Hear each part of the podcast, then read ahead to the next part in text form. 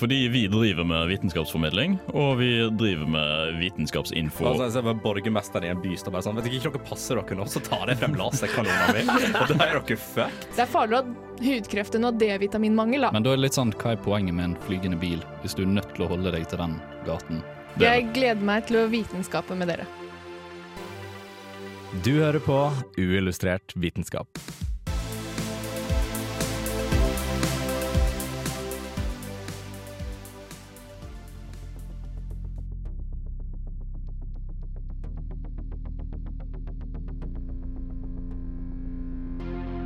Tre år siden var det valg i USA, og til mange store overraskelser så vant det republikanske partiet presidentvalget med noe uortodoks presidentkandidat. Årene etter har ikke bare vært preget av ville tweets, handelskrig, distraksjoner og planlegging av murbygging, men også av avsløringer om utenlandsk påvirkning av sentrale valg både i USA og her i Europa. Etter Cambridge Analytica-skandalen ble det avslørt at Facebook ble benyttet til å manipulere valget i USA. No collusion, no obstruction. Dette ble gjort ved at krefter som ønsker å påvirke valgene, opprettet grupper på Facebook, skaffet seg større eller mindre følgeskare, og dreiv med målretta spredning av falske nyheter eller polariserende innhold for å få folk til å endre meningene sine om kritiske saker de vippes vippestater.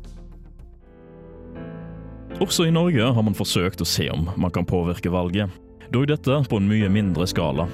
Senest nå i høst var Folkeopplysningen på Lillestrøm videregående skole og innrømmet at de hadde drevet med manipulering av valget gjennom falske nettsider.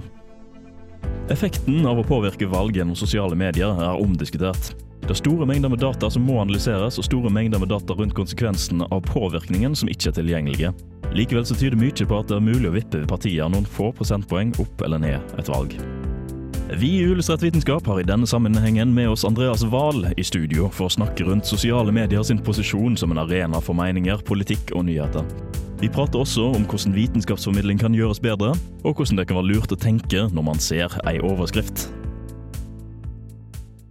Hello, I'm Lynn Rothschild from NASA Ames Research Center, and this is Unillustrated.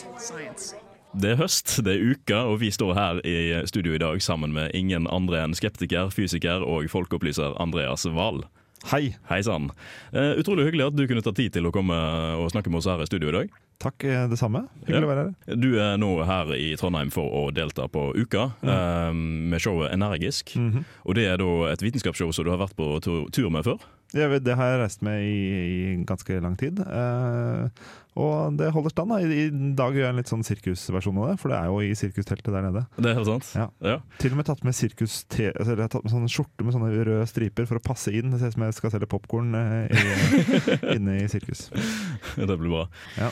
Men eh, vi er jo her i dag for å snakke om uh, litt grann, uh, ting. Uh, vi i Ullestad vitenskap er jo veldig engasjerte i det som er populærvitenskapelige ting eh, som skjer her og nå. Og vi har snakket veldig mye om det med vitenskapsformidling og ansvarsfølelsen rundt det tidligere. Både i våres og i høst eh, spesielt eh, har vi gjort det. Og i den sammenhengen så lurer vi jo litt på om eh, vi kan snakke med deg om dette, og da har vi lagt opp en liste med litt forskjellige temaer og sånt som vi kan snakke om. For i Folkeopplysningen så er det jo nettopp dette her som blir utført veldig mye, i veldig stor grad. Ja, vi prøver å gjøre litt, ofte litt komplekse ting forståelig for folk hjemme i sofaen med, med litt eh, varierende grad av oppmerksomhet. ja, sant? Eh, og der har det jo vært både den eh, kortfortalt-serien, som har Mm. gått veldig mye, Mm. eh, og den lange serien som nå har gått eh, i en god del år. Og det kommer vel en ny sesong av nå til høsten. Kommer ganske snart. Det er noen som har fått med seg eh, at vi var noen dager på Lillestrøm. det er noen som har fått det med seg, ja. Ja. Et par stykker. Uh, ja.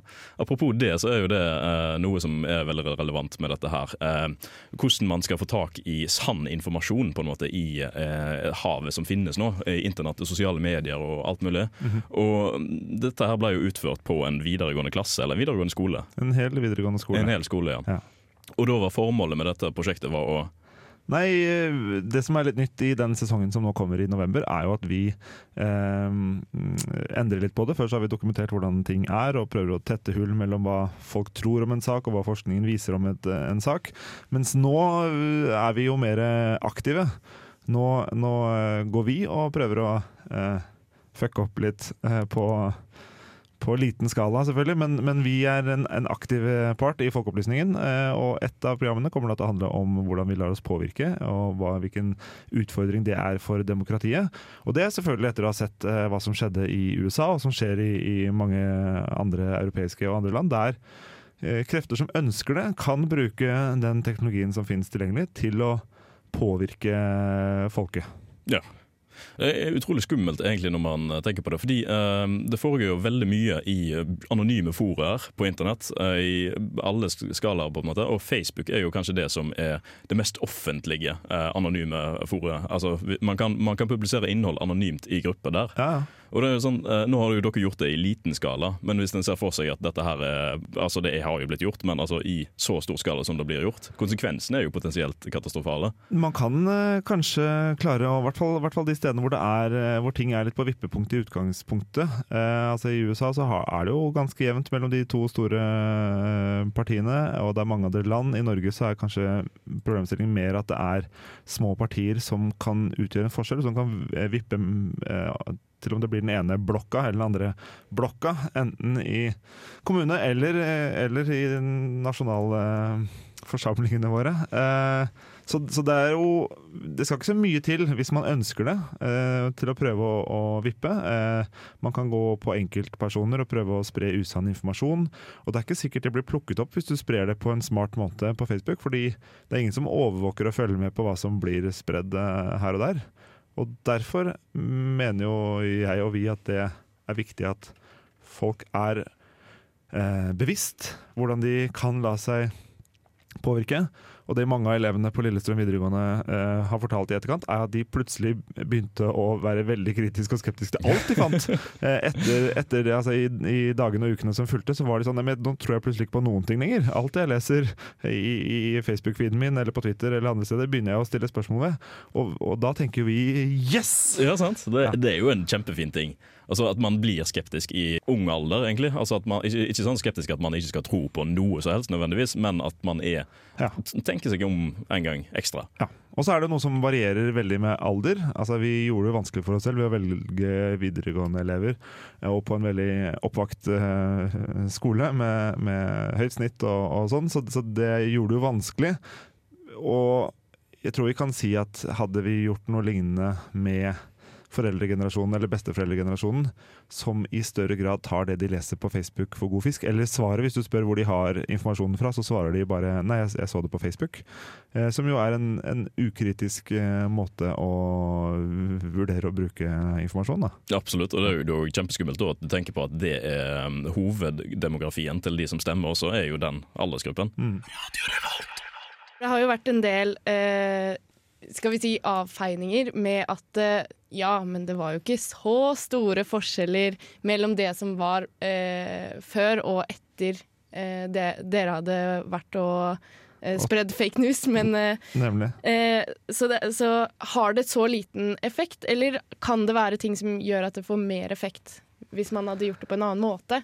Vi har jo ikke målt og vet helt hvor, altså, hvor stor effekt. Vi har gjort en, en, en, eh, en demonstrasjon, et lite prosjekt på Lillestrøm videregående, og der eh, hadde det ikke så stor betydning, og det er jo betryggende. Eh, og man kan si at det er fordi eh, de er unge mennesker som er vant til å være litt eh, kritiske.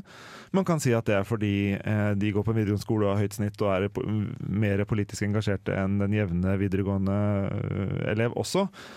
Jeg man, men jeg tror også at vi skal være litt Det er ikke sånn at du kan At hvis vi Eller hvis noen eh, Hvis Russland ønsker å, å påvirke det norske valget, så tror jeg ikke de kan dra et parti liksom eh, 40 prosentpoeng oppover eh, skalaen. Det er ikke det. Jeg tror de ville være mye smartere enn det å gå på eh, partier som kan vippe mellom blokkene, og si at hvis vi bare klarer oss å så noe, noe greier om en av de profilerte personene i det partiet, eller partilederen, og klarer å få folk til å være litt usikre, bare, så kan det være nok til at de får ett eller to prosentpoeng mindre, og kan vippe, da kan det vippe mellom blokker. Så jeg tror det er der, hvis man, hvis man skal prøve å sette seg i, i i de eh, skumles eh, sko, eh, de som kanskje skulle prøve å, å, å tukle med demokratiet vårt, så vil de heller gå ut til sånne ting enn å ta de store partiene og prøve å dra de liksom enormt mye opp eller ned. Det, det mm. tror jeg vil være vanskelig. Men, men det er nok da å, å justere noen, noen prosentpoeng. Og så er det med fake news var en veldig liten del av det vi gjorde. Vi prøvde jo på veldig mange måter å påvirke dem, og så i siste ukene så brukte vi de kanalene vi hadde brukt opp til å spre noen eh, falske nyheter på noen falske nettsteder som så ut som de var ekte. Men det er jo mange som har misforstått og trodd at vi, at vi har publisert uh, falske nyheter på nrk.no f.eks., og, og at vi ikke skal stole på det lenger. Men vi fant jo opp våre egne. Det er jo litt den, eh, den demografien så kanskje tenker du at en overskrift er hele saken, og ikke leser gjennom da, at dere faktisk hadde publisert på falske sider. Det er det jo en del som gjør, som, som leser overskriften og lar seg eh, engasjere. Det passer med noe du tror på allerede, og du blir litt forbanna og, eller, eller engasjert på et eller annet vis. Og, og får den derre gode følelsen som jeg tror alle kan kjenne igjen, om at liksom Ja, ja nettopp! Det var akkurat, akkurat sånn jeg føler at det er. Og hvis noe treffer sånn, så er det veldig lett å trykke på den deleknappen, for det tar jo ett sekund, og Ja. så er du Og så delt meningene dine til andre som kanskje resonnerer med de eh, Ja. argumentene der. Uten nødvendigvis å ha lest hele saken, og i hvert fall ikke satt deg inn i kildene til saken. Dette gjelder jo ikke meg. Meningene mine er jo godt gjennomtenkt og gode. Det skal mye til for å rokke ved de. Og ja, det skal det jo. Folk har en tendens til å ikke bare kun søke opp den informasjonen som støtter sine egne meninger. Det er også de som blir husket best. Så når du har gjort deg opp en mening, så er den ganske solid. Men hvordan får du deg nye meninger? For hvis du ikke har en mening om noe fra før, eller hvis du er usikker, så er du ganske lett påvirkelig av de rundt deg. Det viser seg at hvis en annen person mener det samme som deg, så blir din mening styrket, og du føler deg veldig bra. Er noen uenig med deg og veldig sikker i sin sak, så har du lettere for å bli påvirket i deres retning enn hvis de var usikre. Og hvis mange andre, majoriteten, er uenig med deg, så er det også mer sannsynlig at du blir påvirket av det, enn hvis det bare var én person. Så pass på det neste gang noen er heftig uenig med deg. Det kan fortsatt hende du har rett. For selvfølgelig har jo du gjort all den researchen som skal til for å ha en kvalifisert mening om noe.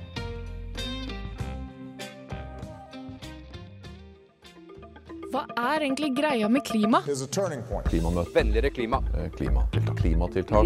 Klima. It'll get cooler, it'll get warmer, it's called weather. På uillustrert vitenskap. Uh, vi kan gå litt tilbake til det med Facebook og valget i USA. Fordi ehm, nå er det jo sånn um, at dere brukte noen Facebook-sider i denne her valggreiene i Norge, og tilsvarende var jo gjort i USA. Brukte dere litt samme strategier som eh, ble gjort da? Altså med å på en måte først samle en målgruppe, uh, og så dele litt innhold som var likende for folk, eller kjørte Absolutt. dere bare rett på med valg? Absolutt. Vi, vi fant folk som hadde ulike interesser, og, så, og, og måtte delte elevene da inn i ulike grupper. Og så skreddersydde vi eh, eh, saker som vi tenkte ville engasjere denne gjengen, og skrev innledninger og eh, ingresser som, som skulle engasjere akkurat den typen, og noe annet til en annen gruppe som vi visste engasjerte seg for noe annet. Så Et eksempel var at vi arrangerte klimastreik da hele Norge hadde klimastreik. Eh, på Lillestrøm videregående møtte de ikke opp noe særlig, for det var jo samme tidspunkt som det var i Oslo. Og avstanden fra Lillestrøm til Oslo er ikke så lang, så alle var i sentrum. Eller kom, det kom noen få, få stykker eh, på Lillestrøm. Men det gjorde ikke noe for oss, for da hadde vi plutselig visste vi at disse eh, par hundre elevene på skolen er kanskje de som er mest engasjert i klima. Ergo kan vi prøve å kjøre klimasaker eh, retta mot dem. Mm. Eh, og tilsvarende gjorde vi på andre måter. Finne folk som hadde en eller annen spesiell interesse, eller, eller likte det, kunne også passe. Så det er jo litt inspirert av, av eh, Russland-USA-greia. Ja, sant. Det høres ut som dette krever veldig mye ressurser, egentlig. da. Det gjør det. Og det er jo betryggende, på en måte. Det er Ja. betryggende at, vi, at, at, eh, vi, at det ikke ble så stort eh, utslag i valget, og også betryggende at det, at det krever en del jobb å følge med. Men det er klart, hvis du deler altså vi, Det hadde ikke vært så mye mer jobb å gjøre dette på 100 000 mennesker enn det var på 1000. Det er ikke snakk om at det, vi treng, hadde ikke trengt 100 ganger så stor redaksjon for å gjøre det. Mm. Så, så mm, vi har brukt mye ressurser på, noen, eh, på en liten gruppe mennesker, ja. Mm. men eh, Det skaleres ganske fint likevel? det skaleres ganske fint, og, og eh, man må bruke ressurser for å klare å dele opp sånn, men det Gjennom Cambridge Analytica og andre ting, så, så har man jo noen verktøy ja, og lignende ting som Cambridge Analytica, så, så, så har man verktøy for å finne de rette folkene og skreddersy. Og på et stort land så kan du fortsatt nå mange tusen i hver gruppe. Ja, sant.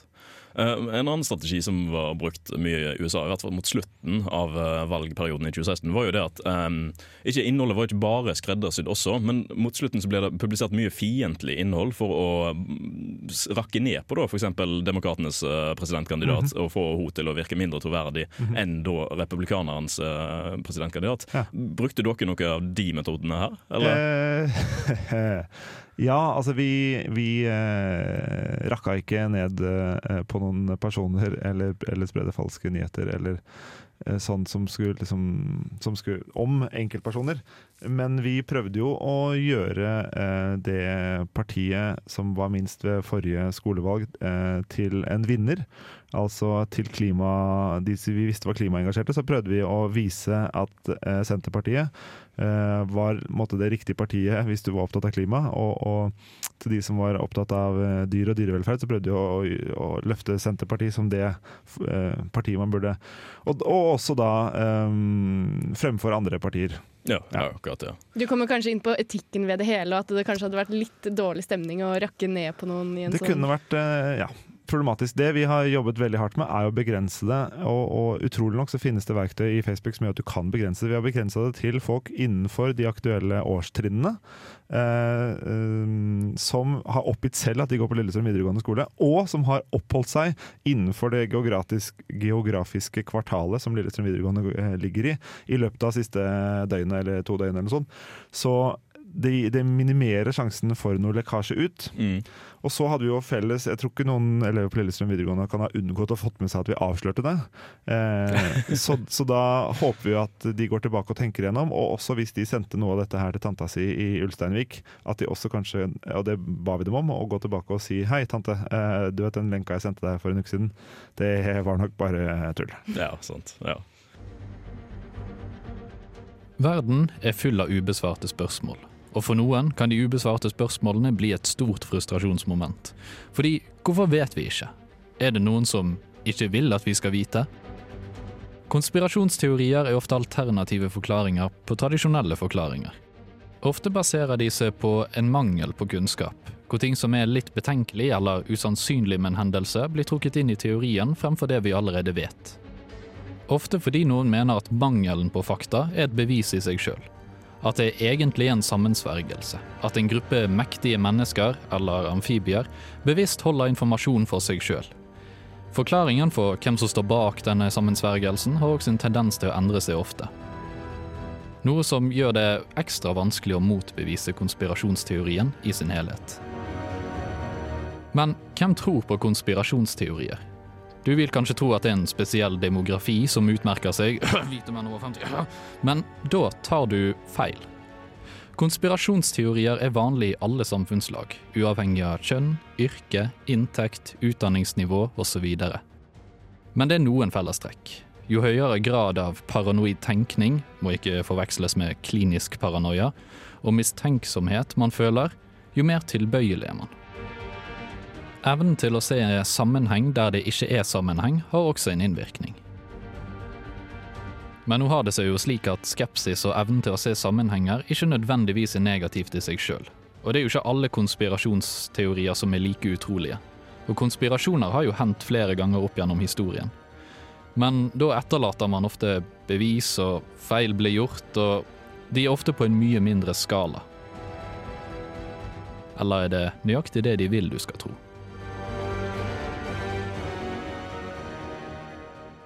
My name is Dr. Donna Nelson. I'm a professor of chemistry at the University of Oklahoma, and you're listening to Unillustrated Science.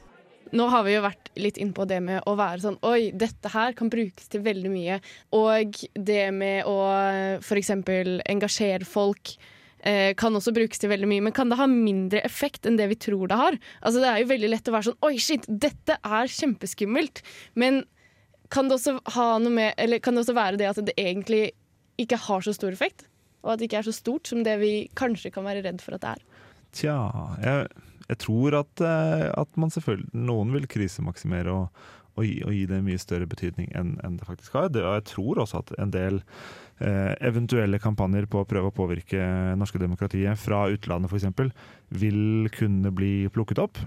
Eh, i, akkurat rundt eh, den uka vi var på Lillestrøm og det ble et par nyhetssaker, så eh, var det mange som oppdaget i Twitter-feeden sin at eh, Brasils eh, president eh, hadde Altså, hans tweets dukka opp i deres feed, betalt, og med en litt annen versjon av hva som skjedde i Amazonas enn det, enn det vi leser om i norske medier. da. Så det er jo kanskje Kan være. Dette har jeg null grunnlag for å, for å si, bortsett fra at det var ganske mange som sendte meg screenshots av det her. da. Og da kan jo de være inne og, og, og øh, prøve å påvirke hvordan vi ser eh, det landet på. For vi er jo med å støtte en del og sånt, som de kanskje er avhengig av. Men det ble oppdaga, da. Kanskje pga. dette valget så var det, det, det var en titalls mennesker som sendte meg et screenshot og sa det her er merkelig. Og de, hadde, de reagerte på det fordi de nettopp hadde diskutert eh, skolevalget på Lillestrøm og, og, hvordan vi lar oss påvirke. Så jeg kan jo håpe og tro at, eh, at uh, mer omfattende forsøk på å tukle med demokratiet vil bli oppdaget. Og dermed så, hvis man skal prøve å gå ubemerket, så er det kanskje begrensa hvor mye man får til. Det er vanskelig å si. Vi vet jo ikke. Hadde vi visst, hadde det vært helt åpenhet rundt det, så hadde vi jo hatt et tydeligere svar Mm. Ja. på hvor, hvor stor risiko det var. Men det er jo ikke helt åpent. Og akkurat, akkurat det med bevisstheten på eh, at noen kommer med andre historier og sånt, eh, det drar jo litt over på det at man også får har falske profiler eller botter og sånt som kommenterer eller poster innlegg og alt mulig sånt på sosiale medier. Og der har du jo litt den samme konsekvensen, da, at eh, bevisstheten på at det finnes, gjør jo at veldig mange tviler på innholdet der også. Eh, Men samtidig så er det sånn, de tviler også på at alle personene er ekte personer og kommenterer rundt. Ja. Og det er jo en stor fare, det òg, egentlig. det Altså- kan bikke over i paranoia. Ja, At, ja. ja, helt klart at, at, man, at man er skeptisk til alt og ikke stoler på noen ting. Eh, helt klart. Så jeg vil jo si at det er grunn til å eh, i utgangspunktet stole på i hvert fall uh, mainstream uh, media. Og Det betyr ikke at de ikke tar feil, for det, eller, eller at det kan være noe. Man skal være kritisk til alt, men vi er avhengig av Vi kan ikke, vi kan ikke være superkritiske til alt vi uh, mottar av informasjon. I noen tilfeller så må du stole på ting. Vi stoler jo, fleste av oss stoler på egne foreldre eller venner på at det ofte er noe sant i det de sier, og vi stoler heldigvis også på, på mediene stort sett i Norge. Og så skal, det være, skal man også være litt kritisk, og de gangene det skjer overtramp, så skal det blåses stort opp, sånn at vi måtte ha måte har en, en, en eh, vaktbikkje som Mm. passer litt på i samfunnet. tar en eh, oppvask på det, rett og slett. Ja. Er du bekymra for at dette kommer til å skje med neste stortingsvalg i Norge? Både ja og nei. Jeg tror at det kommer til å Jeg tror at det er sannsynlig at noen kommer til å ønske å påvirke. Eh, og i hvilken grad de klarer det, er et annet spørsmål. Men at, noen, at det finnes eh, eh, makter eh, der ute som ønsker å påvirke hva som blir valgresultatet, eh, er sannsynlig. Og at de kommer til å bruke de, denne typen verktøy, også ganske sannsynlig. Um, og om de lykkes, det vet jeg ikke. Det avhenger også litt av hvor skeptiske eh, du og jeg og alle er. Ja. Når man publiserer på ikke er i et stort mediehus og publiserer innhold, for der har man jo eh, altså redaktører og ansvarlige redaksjonssjefer og alt mulig sånt som er ansvarlig for dette. Burde det vært noen redaksjonelle retningslinjer for Facebook-grupper eh, å publisere innhold der? Hvem skulle egentlig vært ansvarlig? Fordi nå, nå ser vi jo også på det at man kan publisere veldig mye anonymt. Man kan opprette grupper, og så ser man ikke hvem som er administratoren nødvendigvis. Ja. Jeg tror det er en oppgave for de store mediene, som Facebook og andre, at de må ta et eh, aktivt valg på hvordan de ønsker å, å styre det. Fordi de har også blitt et verktøy De har blitt et fantastisk verktøy for demokratiet, men de har også blitt et verktøy for de som ønsker å ødelegge for, eh, for demokratiet. Så jeg har ikke noe løsning der, og vet ikke helt hvordan det skulle fungere. Men de har jo da begynt å markere innhold som er, har tvilsom faglig eh, dekning, f.eks. Til eh, irritasjon for, for eh, klimarealistene i Norge nå sist, for eksempel, som, som reagerer på at de, eh, de føler seg jo hengt ut, og at deres saker blir, blir markert som, som tvilsomme. Merkelig, det da. Ja, det. Ja, kjempe. Men du har jo også det aspektet ved at eh, da de først begynte, så var jo også Facebook og mange sånne eh, plattformer en de var sånn Nei, vi skal ikke ha noe ansvar for det som blir lagt ut. Vi skal bare være en plattform der hvor folk kan legge ut det de vil. Mhm. Men så har jo dette endret seg veldig stort, da, siden det var nytt, til det er nå. Det har jo ja. Det er jo blitt en av verdens største databaser for uh, personer. Altså Der du kan nå samtlige demografier i hele verden. Jeg tror ikke noen, så det, noen så det komme, Nei. eh, for å si det sånn. Nei, det er, det er et godt spørsmål. Hvis man skulle sammenligne med uh, si uh, torget her i Trondheim. da, hvis uh, folk begynner, eller I gamle dager så hadde folk kanskje i større grad appeller på torget og prøvd å dra med seg folkemasser til å stemme ditt og datt for, noen, for 100 år siden f.eks. Eller 50 år siden.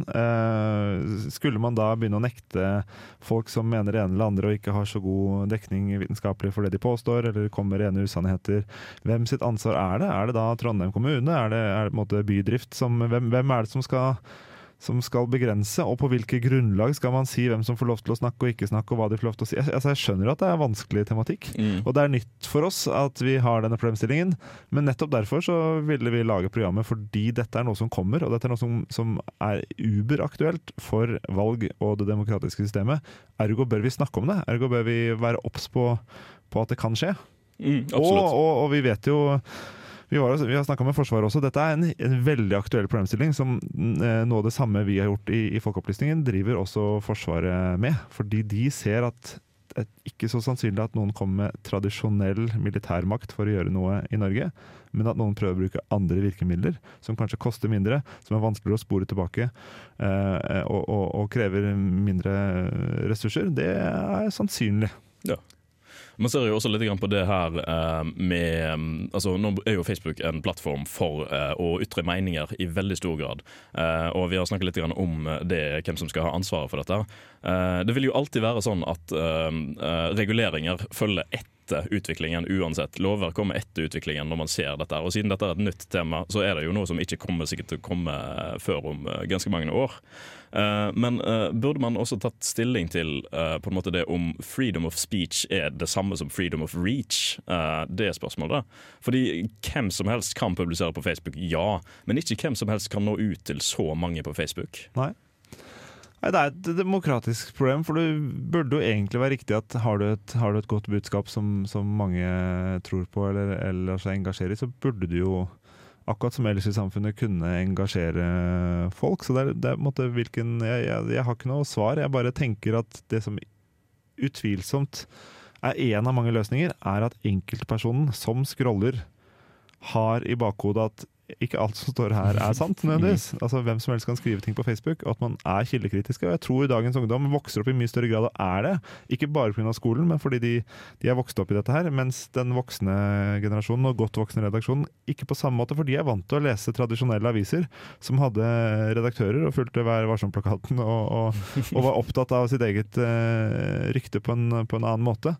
Så, så, det er den, kanskje den største utfordringen, at den voksne delen av befolkningen også øh, ja. Bør kurses på noe Ja. Ja, eller i hvert fall være opp, det, det starter egentlig bare med å være obs på det, og ha tenkt tanken om at er dette sant? Og spesielt når det treffer en nerve i deg, og du eh, fyrer For det tror jeg mange altså, Vi kan jo alle er, De fleste er engasjert i et eller annet, og det kan dukke opp ting som du bare Å, yes!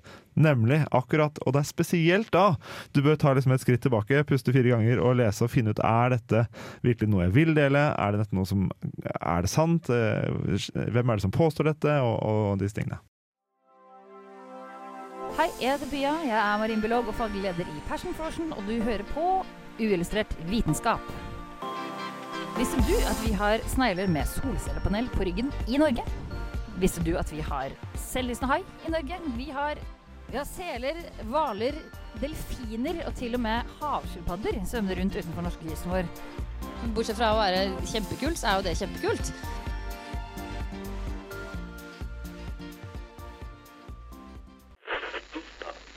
De lytter til Radio Revolt, studentradioen i Trondheim. Because I can tell you something, and then you just look at me and say I'm crazy. What do you think tap water is? It's a gay bomb, baby. Altså, det er en ting du må forstå, og det er jo at vaksiner faktisk gir autisme. Myndighetene prøver bare å sprøyte oss gjennom flystriper og chemtrails. Feministene tar over verden, og det er regjeringa sin skyld. Nå er ikke jeg noen ekspert, men det her er jo åpenbart. Det er snø i mars i Trondheim, så jeg har ikke sett noe til global oppvarming. Og så må vi jo snakke om 9-11. Alt er bare en konspirasjon. Vi toucher litt inn på, um, her, på Facebook-algoritmer og YouTube-algoritmer og sånt.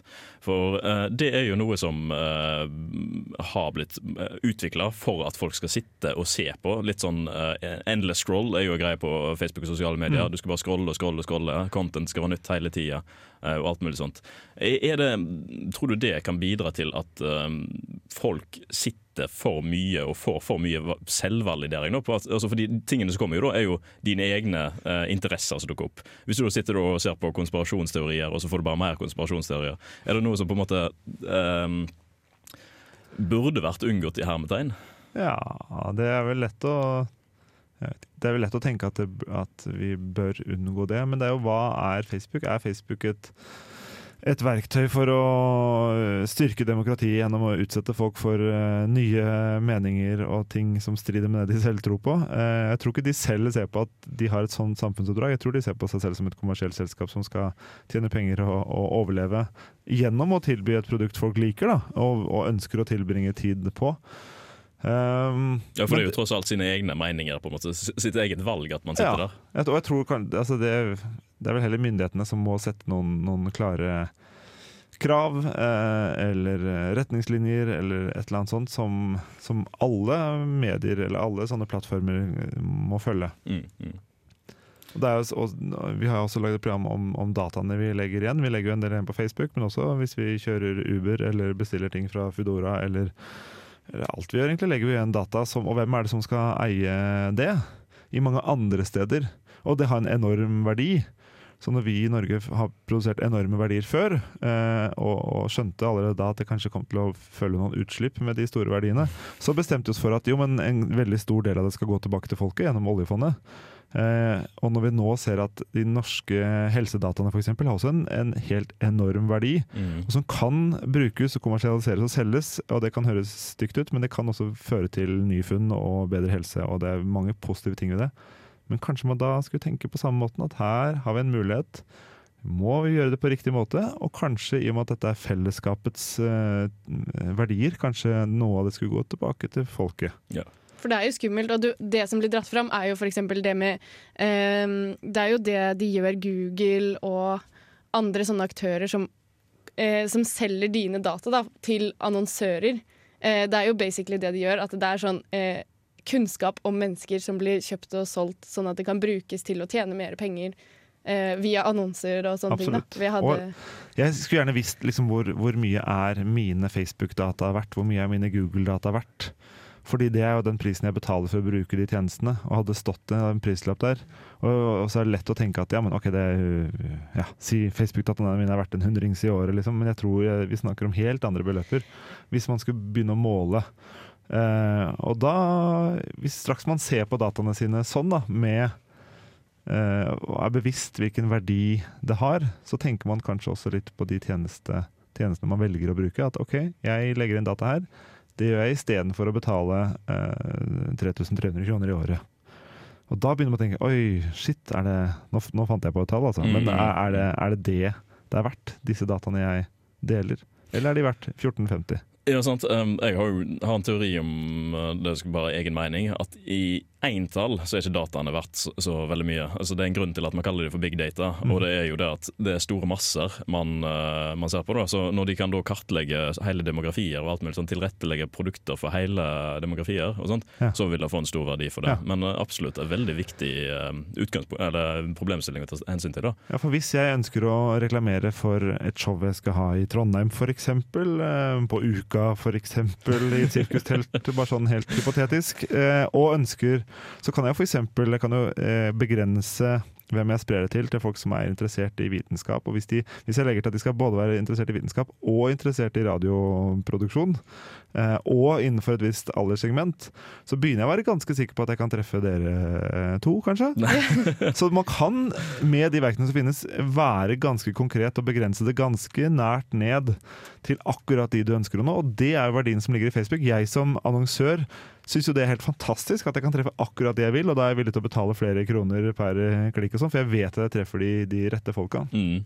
Men det er jo litt skummelt i andre enden, fordi det som dukker opp i deres feed, er jo da kanskje bestemt av akkurat det her fordi du har lagt igjen. Og Ja, jeg vil, jeg vil jo si at det som dukker opp i min feed, er stort sett en konsekvens av mine egne interesser og mine egne aktiviteter og det jeg trykker på sjøl. Det, er jo- det er jo sånn det blir. Og da kan noen vite hvilke knapper de skal trykke på for å engasjere akkurat sånne folk som deg. Og ikke bare dataen du har lagt inn, men etter hvert så er det kjempegode analyse og algoritmer som kan finne ut ting du ikke har oppgitt. Bare ut ifra altså de, eh, Google fant ut at jeg skulle bli far lenge før jeg hadde gjort noe eh, på Google. Så fikk jeg forslag til YouTube-videoer av, av barnefødsler og, og, og diverse. Så så, så det er ikke bare de dataene du faktisk legger igjen, men også summen av det kan, eh, er de ganske gode. De kan gjette på hvilke, hvor du står politisk, uten at du har skrevet noe politisk ever.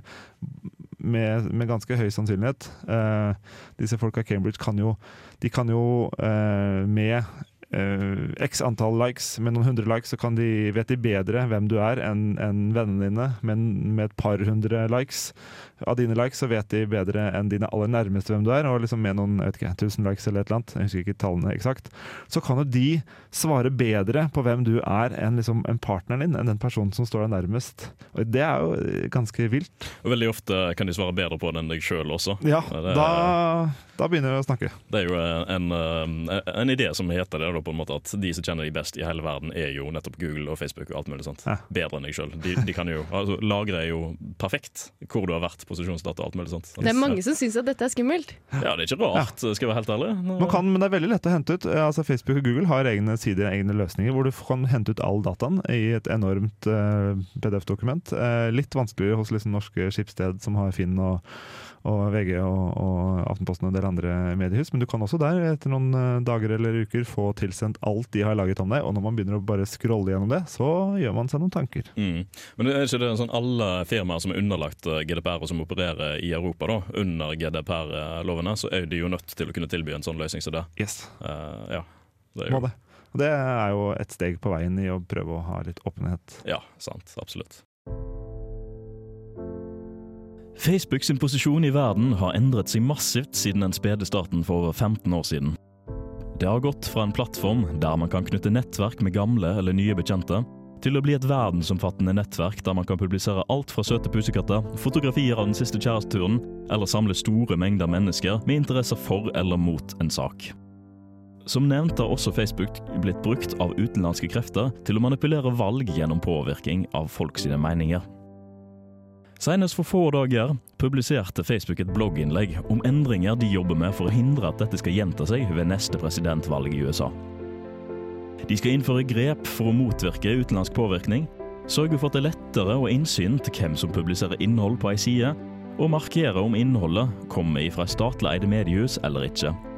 Videre meldes det også ambisjoner om å hindre spredning av misinformasjon ved å innføre merkelapper om at faktaene rundt en sak har blitt sjekket, og tiltak for å hjelpe folk å bedre forstå informasjonen som de finner på nett. I dette blogginnlegget publiserte også Facebook at de har fjernet fire nettverk med kontoer, sider og grupper som har oppført seg på en mistenkelig måte eller har inneholdt falske kontoer. Tre av nettverkene hadde opphav i Iran, og det fjerde hadde opphav i Russland. Dette er saker som er viktig å tenke på. Det at Facebook innfører forebyggende tiltak for å hindre at valgpåvirkning inntreffer, vitner om at de er klare over at de har stor påvirkning på folk. Store firmaer som Facebook og Google sitter på store mengder data om deg og meg. Akkurat de dataene kan benyttes av annonsører som kan sikte målrettet og treffe og engasjere akkurat de menneskene som er i målgruppen deres, eller av andre krefter som ønsker å sikte målrettet mot en befolkning eller et land for å påvirke f.eks. et valg. Dette krever selvsagt masse ressurser, men de som har disse ressursene, kan nå ut til utrolig mange. We're Isabella Fritz and Evelyn Milburn. We research language in the brain at NTNU. And you're listening to Unillustrated Science at Radio Revolt. Det er jo også det eh, Vi liker å tro at vi er veldig logiske mennesker, men likevel så er det de tingene som, som virkelig treffer noe i følelsene våre, som er så effektive. Ja. Eh, og så er det liksom sånn Hvorfor funker det så godt, vi som er så, vi som er så flinke til å tenke? Ja, selv de, de mest rasjonelle er, Vi er jo styrt av følelser, og det Facebook lever jo av følelser. De lever jo av, av å sende ting du reagerer på, og, og, og måtte tweake nyhetsstrømmen sånn at skal, sånn du skal bli der lenger og, og klikke på mer og, bruke mer tid på Facebook. Så de lever av det. Og jeg tror noe av grunnen til at konspirasjonsteorier, som vi også skal lage, har lagd, holder på å lage episode om i Folkeopplysningen, um, at det også um, En grunn til at sånne ting når fram, er fordi mange av de har ganske appellerende gode historier, og, og spiller på følelser.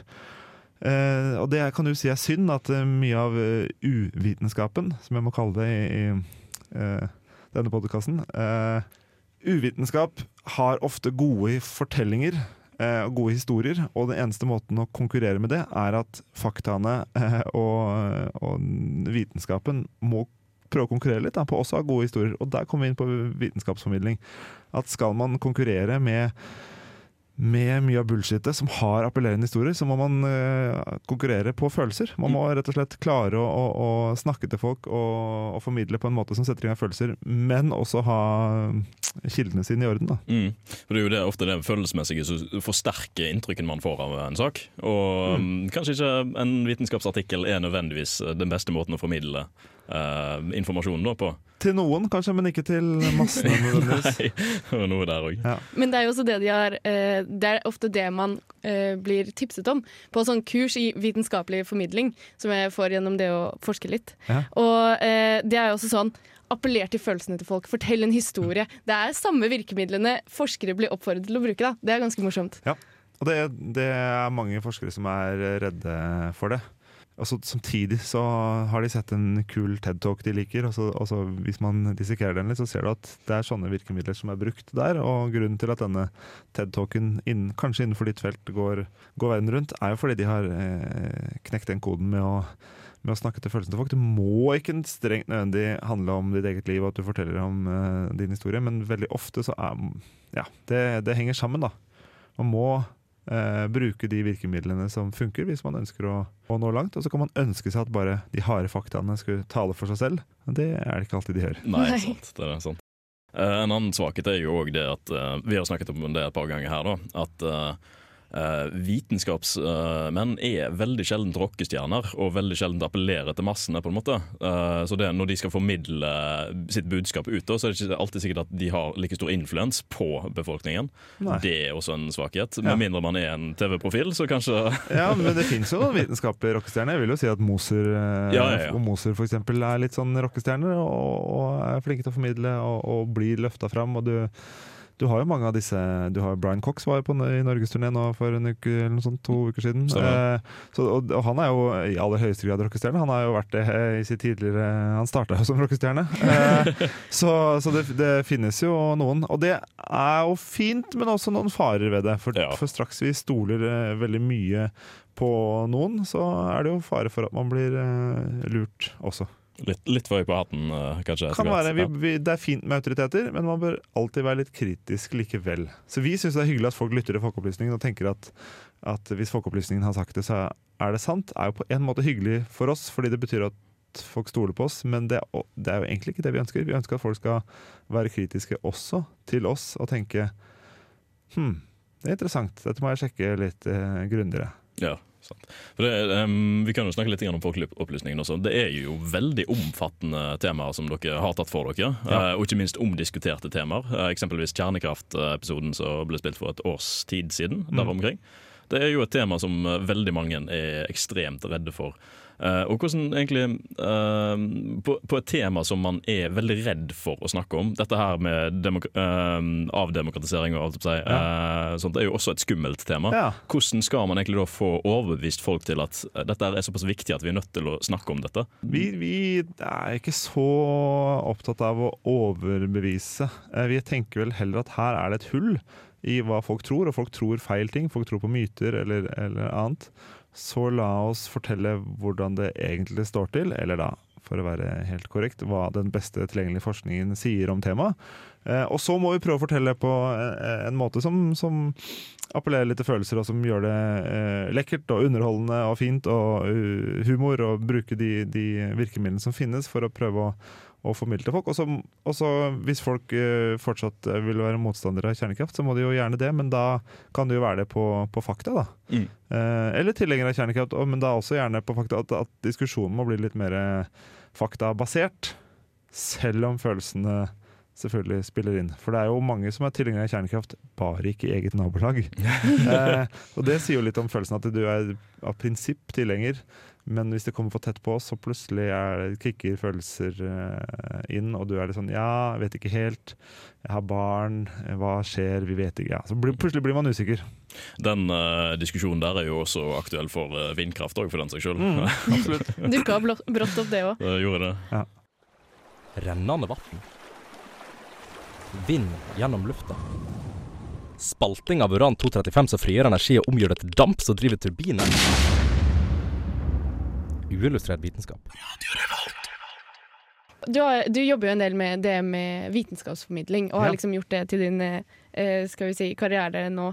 Men er det noe, er det noe som er for vanskelig å, eh, å formidle på en enkel måte? For det er, det er veldig vanskelig. Ja, det er noe som er det er noe vanskelig. som er veldig vanskelig.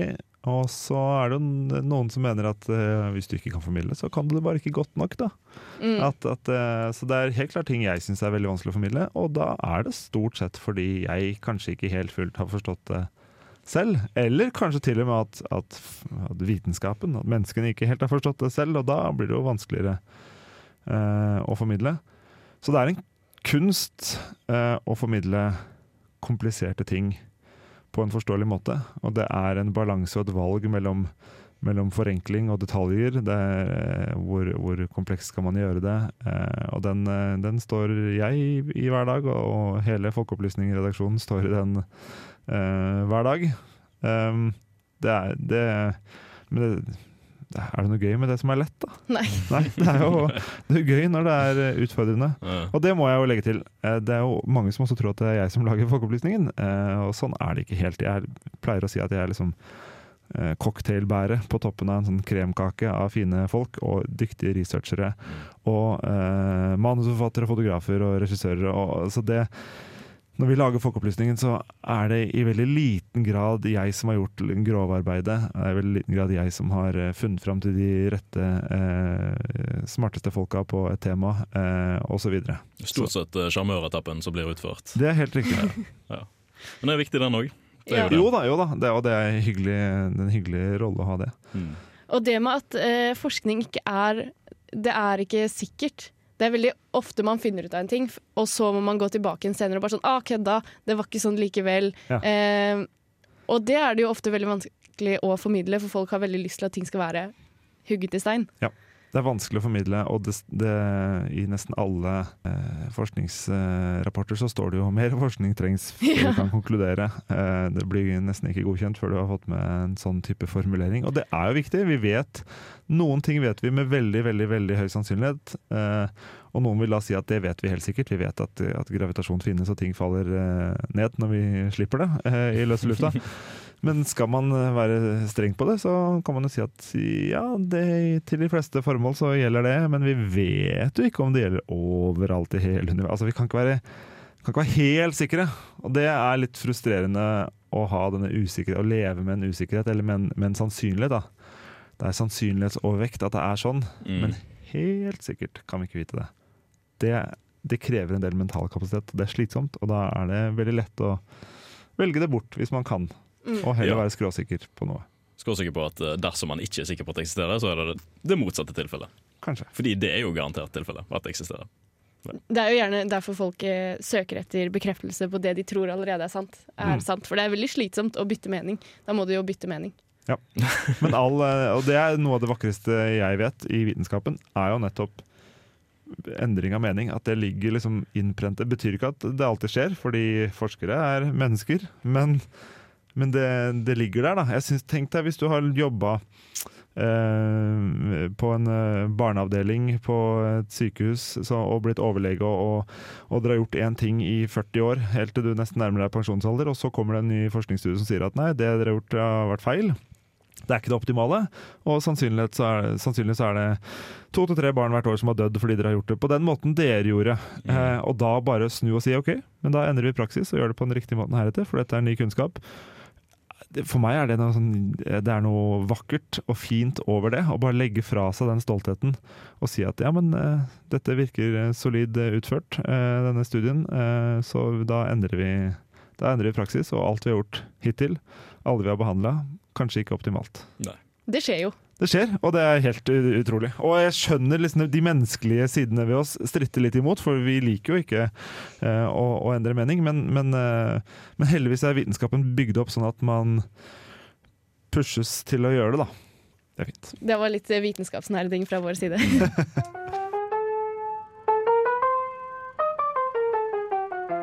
Fra tidenes morgen har mennesket måttet teste ut hvordan ting egentlig fungerer. Hvordan skal vi gjøre det i dag? Uillustrert vitenskap tester ting. Det med kilder er jo noe som uh, egentlig er ekstremt vanskelig uh, å finne fram til. Har du noen tips til hvordan man bør gå fram til det? Uh, ja, kanskje jeg har tips til det. Jeg tror jo og mener jo ikke at man kan sjekke opp kilder på alt man leser. Det er helt uoverkommelig. Mm. Og Derfor så er vi avhengig av litt tillit. Og da også avhengig av at noen kanskje har autoritet. Altså de, de, de store mediehusene eller mainstream media de har en fallhøyde. Hvis de driter seg ut, så blir det eh, høylytte protester. Det blir tatt hånd om. De tar selvkritikk. Det skjer noe. Mens problemet med, med små nettsteder som newsner.com eller, eh, eller Startavisen eller eh, eh, 321-nyheter eller ja, Jeg kan ikke navnet på alle disse, og jeg vet ikke om jeg nå har tråkket noen på tærne. Men, men det er så mange altså de, de, de trenger ikke å svare overfor noe. Så det å det er jo en første steg Altså, Kommer dette fra en troverdig kilde. Det kan fortsatt være galt, men det er mer sannsynlig at de eh, har sjekket kildene sine. Hvis det kommer fra Aftenposten, enn eh, hvis det kommer fra en blogg i, i, fra Hammerfest. Eh, så det er liksom steg én. Og så kan man jo selvfølgelig gå inn og sjekke kildene i saken. Er det noen som faktisk har sagt dette?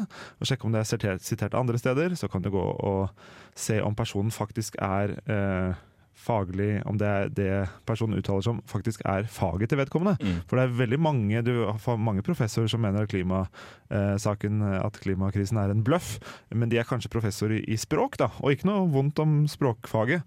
Men, men jeg mener at du burde lytte mer til, til de som har klima som sitt felt. Da. Absolutt, ja. Det er jeg Og tilsvarende, hvis noen uttaler noe om språk eh, og er eh, professor i fysikk, så mener jeg at det er det også eh, ikke så sannsynlig at det stemmer. Nei, det er en grunn til at man tar utdanning i visse fagfelt. for Ja, å si det så sånn. sjekk, hvem, sjekk hvilken eh, faggren de har utdanning og, og autoritet innenfor også. Ja. Uillustrert vitenskap er dritkule. Eh, Dere er det beste programmet ever. I love you guys. Hilsen super, hyperfan. Ja, Vi snakker jo litt om det. Folkeopplysning i hverdagen det er veldig viktig å, å ha med oss. og Vi håper det at eh, dere som hører på denne episoden også, har eh, fått litt grann innsyn i ikke minst eh, hva som kan være viktig å tenke på. Litt grann i hvordan Andreas eh, jobber eh, med sine prosjekter. Eh, og så håper vi at dere har nytt innholdet. Har du lyst til å plugge noe som du er aktiv med? Nei, Folkeopplysning kommer i november da, med fire episoder om, eh, om eh, demokrati og, og hva som skjer i, i, samfunnet og teknologien, hva den kan gjøre. Så jeg håper jo at folk som har latt seg engasjere, enten den ene eller andre veien, av eh, valget på Lillestrøm, ser, faktisk ser episoden og ser hva vi faktisk har gjort, og deretter gjør seg opp en kanskje ny mening. Ja, ja. Endre meninger, det er lov. Det, Det er nydelig å endre meninger. det er det. Nei, Tusen takk uansett for at du hadde tid til å komme og snakke med oss eh, her i studio. Takk selv. Dette er eh, fysiker, programleder eh, og fire ganger norgesmester i morellsteinspytting, Andreas Wahl. Det skjønte du på den introen. Og akkurat nå så lytter du til uillustrert vitenskap. Men det visste du forhåpentligvis.